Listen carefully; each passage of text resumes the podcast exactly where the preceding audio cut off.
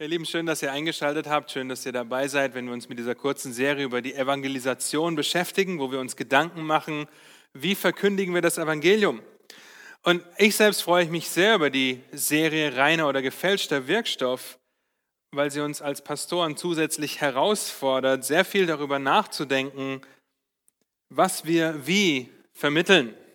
Ja, so sind wir am Überlegen, wie wir den Wirkstoff, den reinen Wirkstoff des Evangeliums auf das Wesentliche reduzieren in der kurzen Zeit, die wir haben, ohne dabei den Blick auf das Ganze zu verlieren. Ihr seid herausgefordert, das, was wir sagen, im Licht der gesamten Schrift zu prüfen und in der Evangelisation eurer Nachbarn, eurer Kinder, eurer Familienangehörigen umzusetzen. Und so möchte ich uns noch einmal an die zwei Dinge erinnern, die Daniel letzte Woche zu Beginn gesagt hat, nämlich zum einen, dass die ganze Bibel für die Evangelisation verwendet werden kann und zum anderen, dass die Botschaft wichtiger ist als die Methode. Und das ist so essentiell, so wichtig, dass wir das im Hinterkopf behalten, auch wenn wir darüber nachdenken, dass letzte Woche Daniel damit begonnen hat, uns acht Lehren über den wahren Gott, den Mittelpunkt des Evangeliums, anhand von Apostelgeschichte 17, Vers 22 bis 31 aufzuzeigen und ich hoffe, dass dich, dass uns das dazu geführt hat, unseren Gott zu loben und zu preisen. Heute wollen wir uns über den Menschen Gedanken machen, den Empfänger des Evangeliums. Wenn wir an das Evangelium denken, dann ist Gott das Ziel, die Ehre Gottes das Ziel. Wenn Gott der Mittelpunkt und Christus der Mittler ist, wie wir nächste Woche hören werden von Dieter, dann dreht sich das Evangelium um Gott selbst, aber der Mensch ist der Empfänger. Und bevor wir beginnen, möchte ich noch mit uns beten. Treuer Gott und Vater, habt du Dank, dass wir das Vorrecht haben, dein Evangelium zu kennen, dass du uns erlöst hast, dass wir dein Evangelium kennen dürfen, weil du uns dein Wort gegeben hast. Und so bete ich von Herzen, dass du diese Zeit jetzt dazu gebrauchst, uns zu überführen, da wo wir einen falschen Wirkstoff verkündigen und uns zu ermutigen, da wo wir der Überzeugung sind, was dein Wort auch über den Menschen zu sagen hat. Und so bete ich, dass du Gnade gibst zum Reden, Gnade gibst zum Hören und Freude dabei, das auch in die Tat umzusetzen, wenn wir darüber nachdenken, welches Evangelium wir verkündigen, Herr. Amen.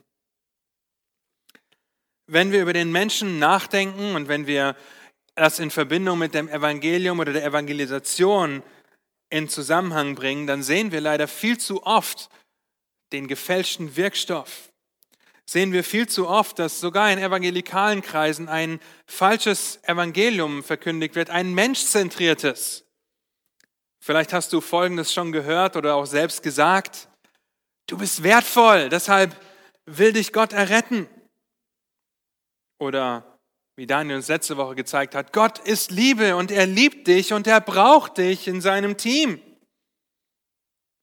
Oder wenn du Gott glaubst, wird alles gut. Entscheide dich für Gott, dann entscheidet er sich für dich. Und wenn du nicht in die Hölle willst, dann, oder du hast schon folgende Antworten bekommen. Der Mensch ist krank und muss einfach nur gesund werden. Oder der Mensch ist eigentlich gut und kann sich selbst für Gott entscheiden. Lieben, so schnell sind wir dabei und hören wir, dass dem Menschen viel zu viel zugetraut wird, wobei er doch nichts ausrichten kann. Wir müssen uns, wie wir gleich noch sehen, davor hüten, ein solches Evangelium zu verkündigen. Paul Washer sagt in seinem Buch Die Kraft des Evangeliums oder die Kraft der Evangeliumsbotschaft treffend, Zitat, wir müssen vorsichtig sein und jede Versuchung meiden, unser Evangelium an den Trend des Tages oder den Begierden fleischlicher Menschen anzupassen. Wir haben nicht das Recht dazu, das Ärgernis abzumildern oder die radikalen Forderungen zu zivilisieren, damit es einer gefallenen Welt oder den fleischlichen Christen eher zusagt. Zitat Ende. Ihr Lieben, das Evangelium ist ein Skandal für die, die es hören. Aber der Reihe nach. Zunächst sehen wir, dass der Mensch von Gott geschaffen ist. Von Gott, der der Mittelpunkt des Evangeliums ist. Gott hat ihm Leben eingehaucht und er hat ihm einen Auftrag gegeben, nämlich die Welt und alles, was darin ist, zu beherrschen und Gott zu repräsentieren, wie wir in 1. Mose Kapitel 1, Vers 26 und 27 lesen können. In 1. Mose 3 sehen wir den Sündenfall. Und wenngleich wir nicht die Zeit haben, hier einzusteigen, ermutige ich euch dazu, euch die Predigt von Daniel anzuhören, in der uns die Tragödie des Falls aufgezeigt hat, aber gleichzeitig die Gnade Gottes in 1. Mose Kapitel 3.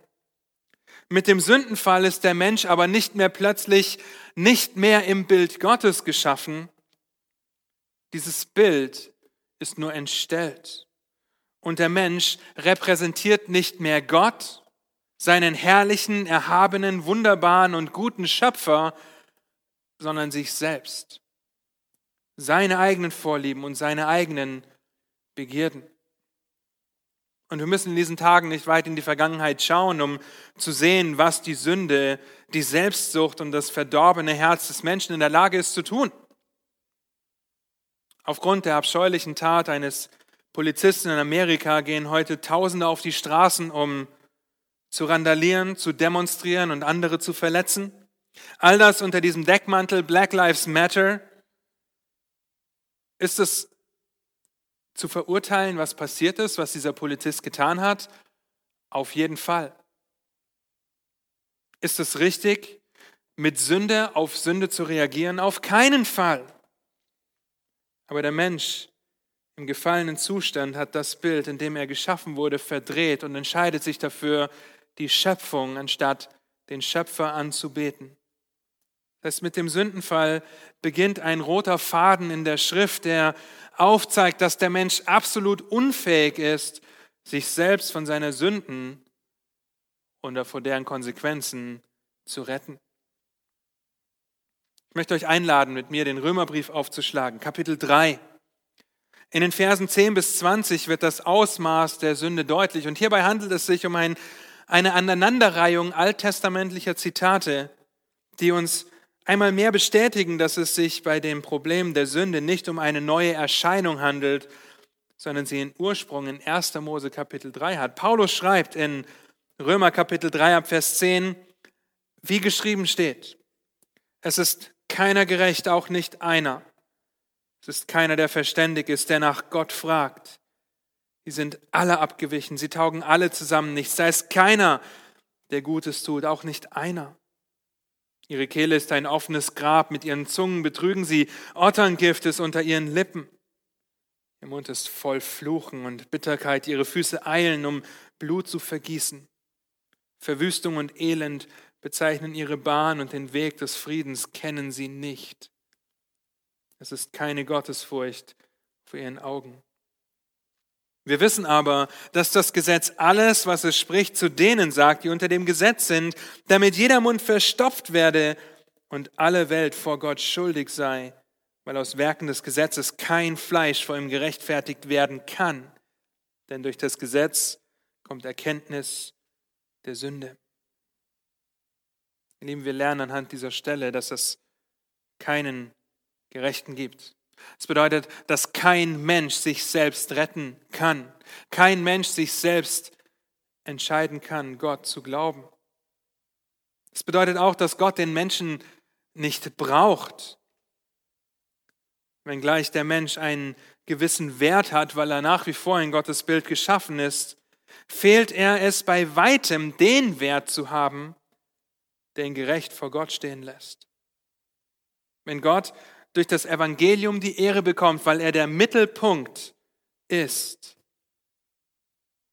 dann dreht sich bei der Errettung eines Menschen auch alles um Gott. Anhand dieser Verse erkennen wir einiges über den Zustand des Menschen. Vers 10, er ist nicht gerecht. Vers 11, er ist unverständig. Vers 12, er tut nichts Gutes. Vers 13 und 14, er ist ein Lügner und ein Lästerer. Vers 15, er hat böse Absichten, Absichten. 16 und 17, er hat keinen Frieden. Vers 18, er fürchtet Gott nicht und er wird für das Gericht aufbewahrt. Die Schuld ist vor ihm, er kann ihr nicht entfliehen. Allein diese Auflistung lässt den Menschen in einem düsteren Licht dastehen. Wenn wir zu anderen Stellen gehen, die den Menschen beschreiben, dann wird der Mensch charakterisiert als Feind Gottes, als geistlich tot, als geistlich blind. In Vers 20 in Römer 3 sehen wir, dass niemand aus eigener Kraft gerettet werden kann, nicht einmal ansatzweise. Kein Mensch kann ein Gesetz einhalten, das ihn vor Gott rechtfertigen würde. Was ist die Herausforderung bei der Evangelisation? Zum einen, dass der Mensch seinen bedauerlichen Zustand nicht erkennt. Wenn wir in die Wahrheit der Schrift nicht aufzeigen, wozu und wovon er Errettung braucht. Zweitens, dass der Mensch die Gefahr nicht versteht, in der er sich befindet. Ihr Lieben, der, der Lohn der Sünde ist der ewige Tod, das ewige Getrenntsein von Gott. Ein Mensch wird die Erlösung nur in dem Maße schätzen, wie er etwas über den Schrecken versteht, von welchem er gerettet wird. Mit anderen Worten, der Mensch hat nichts als den Zorn Gottes über seine Sünde verdient. Drittens, der Mensch versteht den Preis nicht, der nötig ist. Wenn wir nicht das klare, das wahre, das reine Evangelium verkündigen, dass der Mensch völlig verdorben ist, wenngleich er das nicht in jedem Fall in vollen Zügen auslebt, ist er doch völlig verdorben, weil er ein Sünder ist. Mit verschiedenen Worten wird das in, in Gottes Wort ausgedrückt. Er ist ein Übertreter, er ist ein Gesetzloser, er ist ein Rebell, ein Feind, untreu, blind, tot. Wenn wir das sehen, dann können wir verstehen, dass dem Herrn Sünde ein Gräuel ist und damit auch der Mensch, der nicht an ihn glaubt, ein Gräuel ist, weil Sünde von dem lebendigen Gott trennt. Paul Washer noch einmal, Zitat, der beste Grund für die Betonung von Sünde ist, dass es das Evangelium erhöht. Je dunkler der Mensch erscheint, desto heller scheint das Evangelium. Ein anderer Autor hat es so ausgedrückt, dass du den Diamanten des Evangeliums nur auf dem schwarzen Vlies der Sünde des Menschen siehst. Und Freunde, welches Evangelium verkündigst du? Bist du davon überzeugt, dass die Schrift davon spricht, dass der Mensch in seiner Gottesebenbildlichkeit völlig entstellt ist? Dass er keine Entschuldigung hat am Tag des Gerichts, weil er weiß, dass Gott existiert? Dass der Mensch nicht in der Lage ist, Gott auf angemessene Art und Weise zu lieben? Niemals. Dass er seine völlige Verdorbenheit nicht immer völlig auslebt. Und vor allem, dass der Mensch kein Opfer seiner Sünde ist, sondern ein Täter, der Gott ablehnt. Wenn wir davon überzeugt sind, dass kein Mensch gut ist, auch nicht einer, dann wird uns das anspornen, die wunderbare Wahrheit des Evangeliums zu verkündigen. Weil wir erkennen, dass die Erlösung kein einfaches Werk ist, weil es für alle außer für Gott unmöglich ist zu bewerkstelligen. Das Evangelium von Christus ist nicht einfach nur ein Teil oder einfach nur der Kern der Kraft zur Errettung. Wir werden erkennen, dass das Evangelium von Christus das Ganze ist die ganze Kraft zur Errettung. Weil der gefallene Mensch nicht in der Lage ist, Gott zu erkennen, Gott zu lieben, Gott zu suchen, zu gehorchen, zu gefallen und schon gar nicht in der Lage ist, sich selbst zu verändern. Weil der Mensch ein Sklave seiner Sünde ist. Er ist geistlich tot in Übertretung seiner Sünde, in den Verfehlungen dessen, was er sein muss, um vor Gott bestehen zu können. Kein Mensch und ihr Lieben, das schließt eure oder deine lieben Kinder mit ein, ist imstande, das Gute zu wählen, sich dafür zu entscheiden. Wissen deine Kinder das? Wissen sie das, dass sie nicht in der Lage sind, dem lebendigen Gott gehorsam zu sein, wenn sie dir gehorchen? Dass sie nicht in der Lage sind, dir zu gehorchen, dass sie das nicht schaffen? Siehst du das im Leben deiner Mitmenschen, deiner Arbeitskollegen, deiner Familie, dass sie etwas scheinbar Gutes tun, aber die Absicht dahinter haben, einen eigenen Vorteil daraus zu schlagen? Einen eigenen Vorteil wie Zum Beispiel gut vor Gott dazustehen. Nun, kein Mensch kann das tun. Ein paar sehr herausfordernde Fragen an dich und auch an mich. Liebst du genug, um die Wahrheit zu lehren, Sünde zu entlarven und deine Hörer damit zu konfrontieren? Gehst du mit der Wahrheit so um, dass Gott dadurch geehrt wird, dass du den ganzen Ratschluss Gottes verkündigst, was er über den Menschen zu sagen hat? Zweitens, besitzt du die biblische Leidenschaft, die den Menschen in der Hoffnung die Wahrheit sagt, dass ihre Herzen unter dem Gewicht ihrer Sünde zusammenbrechen und sie allein auf Christus schauen müssen? Oder malst du ein nicht ganz so dunkles Bild über die Sünde des Menschen, die Verdorbenheit des Menschen? Und drittens, bist du bereit, das Risiko einzugehen, missverstanden und verleumdet zu werden, damit die Wahrheit verkündigt wird und Menschen gerettet werden? Sind wir bereit, das Evangelium zu verkündigen, mit Gott im Mittelpunkt und den Menschen als den darzustellen, wie die Schrift ihn beschreibt, dass er erlösungsbedürftig ist. Und was ist das Ergebnis der absoluten Unfähigkeit des Menschen? Dass er getrennt ist von Gott, dass Sünde für Gott ein Gräuel ist, dass der Mensch schon in Sünde empfangen wurde, von Anfang an getrennt von Gott. Nun, das Ergebnis finden wir zum Beispiel in Römer 6, Vers 23, Teil, A. Denn der Lohn der Sünde ist der Tod. Gott sagt das schon im Garten an dem Tag, an dem ihr davon esst, von dem Baum der Erkenntnis, müsst ihr gewisslich sterben, getrennt sein von Gott. Der Lohn der Sünde ist der Tod.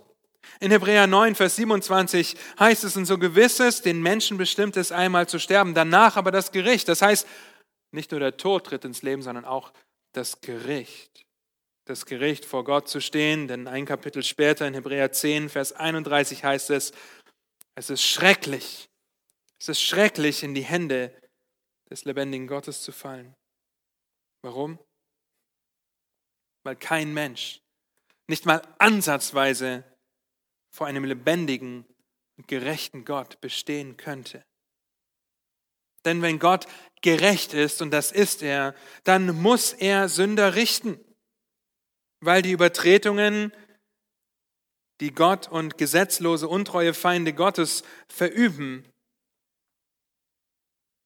gerichtet werden müssen, gerecht gerichtet werden müssen nach dem Maßstab, den Gott setzt und nicht den wir meinen, den Gott hat. Ein Feind Gottes fragt weder nach Gott, noch sucht er nach ihm. Kein Mensch ist von Grund auf gut und wird irgendwann zum Sünder. Eine Annahme, die weit verbreitet ist. Jeder Mensch verfehlt die Herrlichkeit, die er vor Gott haben sollte, und das schon mit der Empfängnis. Nein, vielmehr die Menschen, die Gott rettet, sind von Grund auf Sünder und werden durch Gottes Gnade gut, gerecht vor ihm dastehen. Das Dilemma an der ganzen Situation lautet wie folgt. Wie kann ein Gerechter, wie kann ein heiliger Gott einen gottlosen, verdorbenen Sünder jemals annehmen?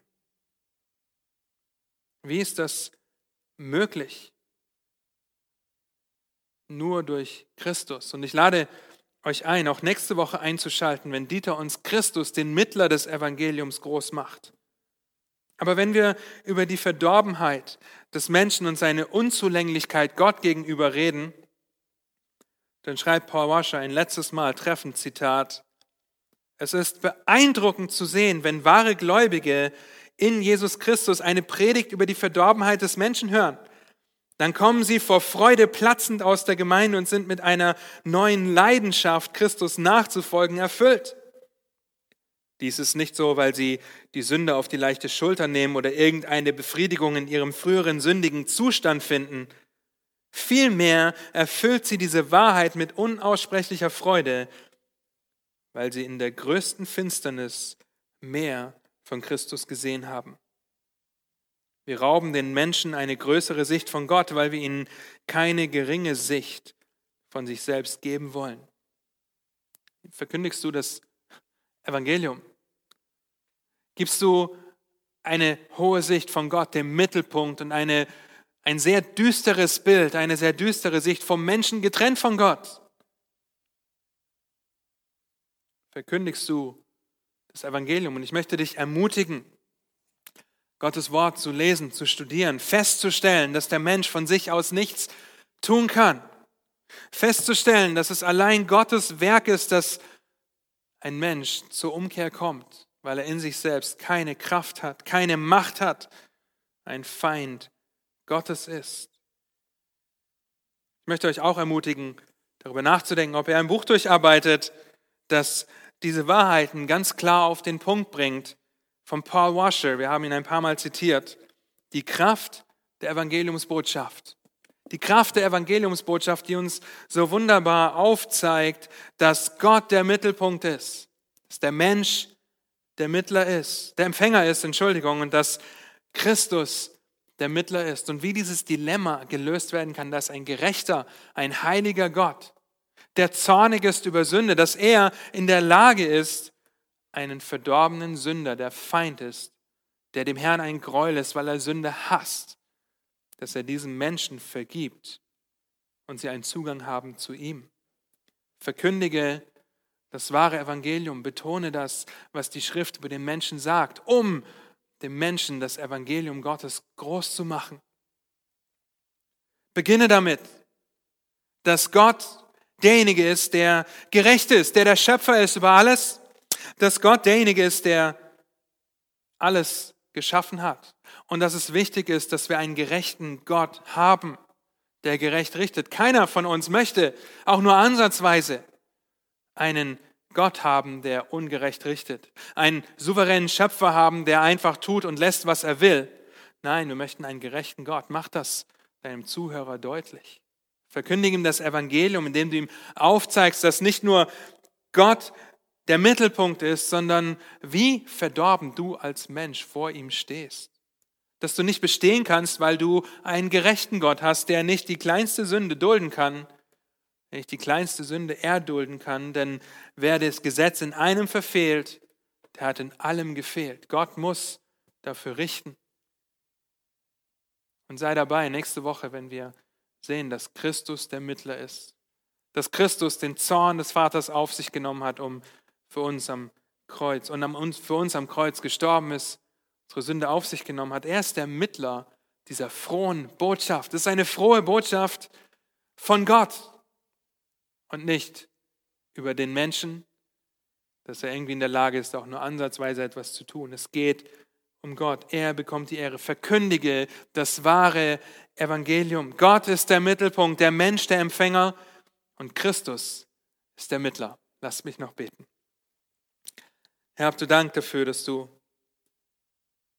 treu bist, dass du von Anfang an dein Gutes Evangelium, die gute Botschaft verkündigt hast. So wie der Mensch gegen dich gesündigt hast, hast du aufgezeigt, dass du Errettung schenken wirst, dass du Beziehung, Gemeinschaft wiederherstellen möchtest. Ja, aber gleichzeitig zeigst du uns im Verlauf der Geschichte und in deinem Wort auf, dass der Mensch völlig verdorben ist, völlig unfähig, auch nur ansatzweise zu dir zu kommen, dir zu gefallen, geschweige denn nach dir zu fragen. Ja, dass keiner, der Gutes tut, auch nicht einer. Alle haben gesündigt und verfehlen die Herrlichkeit, die sie vor dir haben sollten. Und so bete ich von Herzen, dass du uns voll Freude erfüllt sein lässt, wenn wir darüber nachdenken, dass es nicht aus Werken ist, damit niemand sich rühme, dass du Errettung geschenkt hast, sondern dass wir vor dem Hintergrund unserer schwarzen Sünde, unserer sündhaften Sünde gegen dich rebelliert haben, aber vor diesem Hintergrund den Diamant den leuchtend hellen Diamant des Evangeliums erkennen durften durch deine Gnade, dass du uns gezogen hast. Und so bete ich, dass du errettest, wenn wir darüber nachdenken, wie wir dein Evangelium verkündigen können, unseren Kindern, unserer Familie, unseren Arbeitskollegen, Freunden und Bekannten. Herr, dass wir dabei nicht vergessen, dass du der Mittelpunkt bist und der Mensch völlig unfähig, völlig unfähig, dein Evangelium aus eigener Kraft zu verstehen, geschweige denn zu dir zu kommen. Ich bete, dass wir die Leidenschaft haben, das aufzuzeigen, damit unser Gegenüber unter der Sünde zusammenbricht und zu dir flieht. Ich bete, dass wir uns dessen bewusst sind und dass wir dein Wort dir zur Ehre und Treu verkünden, Herr. Amen.